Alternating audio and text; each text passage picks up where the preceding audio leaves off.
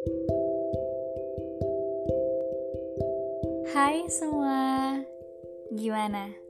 Puasa tahun ini ada cerita yang spesial nggak buat dibagi? Pasti ada dong, karena kalau saya sendiri sih ada.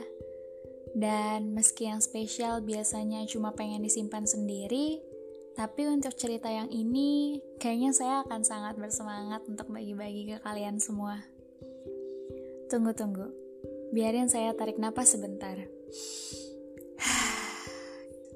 Karena sepanjang proses bagaimana cerita ini bisa bermula, barangkali untuk kisah yang ini akan ada banyak hal yang mau saya ceritain ke kalian semua.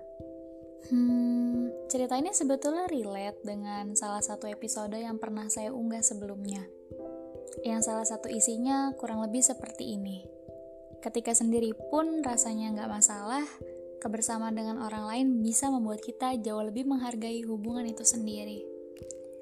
Waktu pertama kali dapat penyadaran itu, sejujurnya bisa dibilang pemikiran tersebut hanya sekedar bersarang di dalam kepala, tanpa betul-betul merasuk ke dalam jiwa sampai tiba saatnya hari ini Ketika saya dihadapkan dengan hari paling spesial pertama yang saya miliki sepanjang tahun 2002, untuk pertama kalinya saya merasa bahwa kalimat tersebut ada benarnya juga.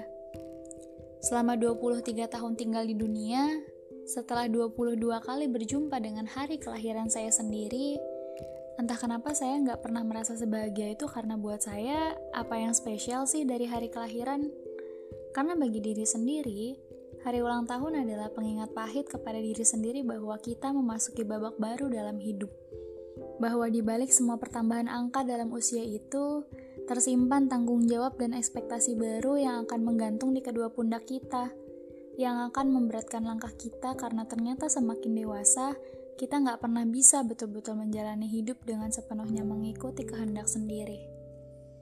Tapi entah kenapa lucunya hari ini Ketika seseorang yang saya anggap begitu spesial hari ini berulang tahun, hari kelahiran tidak lagi menjadi hal yang begitu menakutkan buat saya. Pada hari ini, saya mendapatkan penyadaran baru bahwa hari kelahiran begitu diistimewakan karena karena pada hari itu, seseorang yang hanya ada satu-satunya di dunia ini menginjakan kakinya ke semesta untuk pertama kalinya. Dan tentu, bagi beberapa orang yang memahami nilai keistimewaan dari orang tersebut, Momen itu menjadi momen yang sangat sakral dan membahagiakan, karena hari kelahiran orang tersebut menjadi pengingat kita bahwa ternyata kebahagiaan yang selama ini pernah kita rasakan bersama orang tersebut hanya akan menjadi suatu kehampaan jika hari kelahiran itu sendiri tidak pernah ada. Hari ini, di hari kelahiran salah satu orang yang paling saya anggap istimewa membuat saya sadar bahwa kelahiran dia adalah keistimewaan yang selalu saya syukuri kepada semesta. Karena di momen tersebut menjadi titik mulai yang menjadikan kebahagiaan saat ini ada. Bahwa tanpa peristiwa seremonial itu, kebahagiaan yang saya miliki saat ini bersama dia juga tidak akan menjadi suatu hal yang nyata. Dia yang bikin saya pelan-pelan sadar bahwa hari kelahiran saya sendiri adalah suatu hal yang sama sakralnya. Karena di momen tersebut, untuk pertama kalinya, saya memijakan kaki ke semesta ini menjadi titik mula dari berbagai cabang kebahagiaan dan rasa syukur yang dimiliki oleh orang-orang istimewa di hidup saya, yang juga menjadikan saya sebagai seseorang yang istimewa bagi mereka. Dan rasanya bisa dibilang, kalau saja saya bisa memberikan sekantung besar ucapan berisikan kata-kata terima kasih, rasanya saya ingin menghujani kata-kata tersebut ke beberapa pihak penting yang turut andil menjadikannya ada di semesta ini. Kepada Tuhan, kepada ibunya, kepada ayahnya, kepada mbak pengasuh yang selalu menyediakan makanan dan keperluan dia, kepada teman-teman di tiap tingkatan sekolahnya, kepada adiknya yang selalu menjadi temannya untuk menamai semua boneka dan mainan yang mereka miliki sama-sama.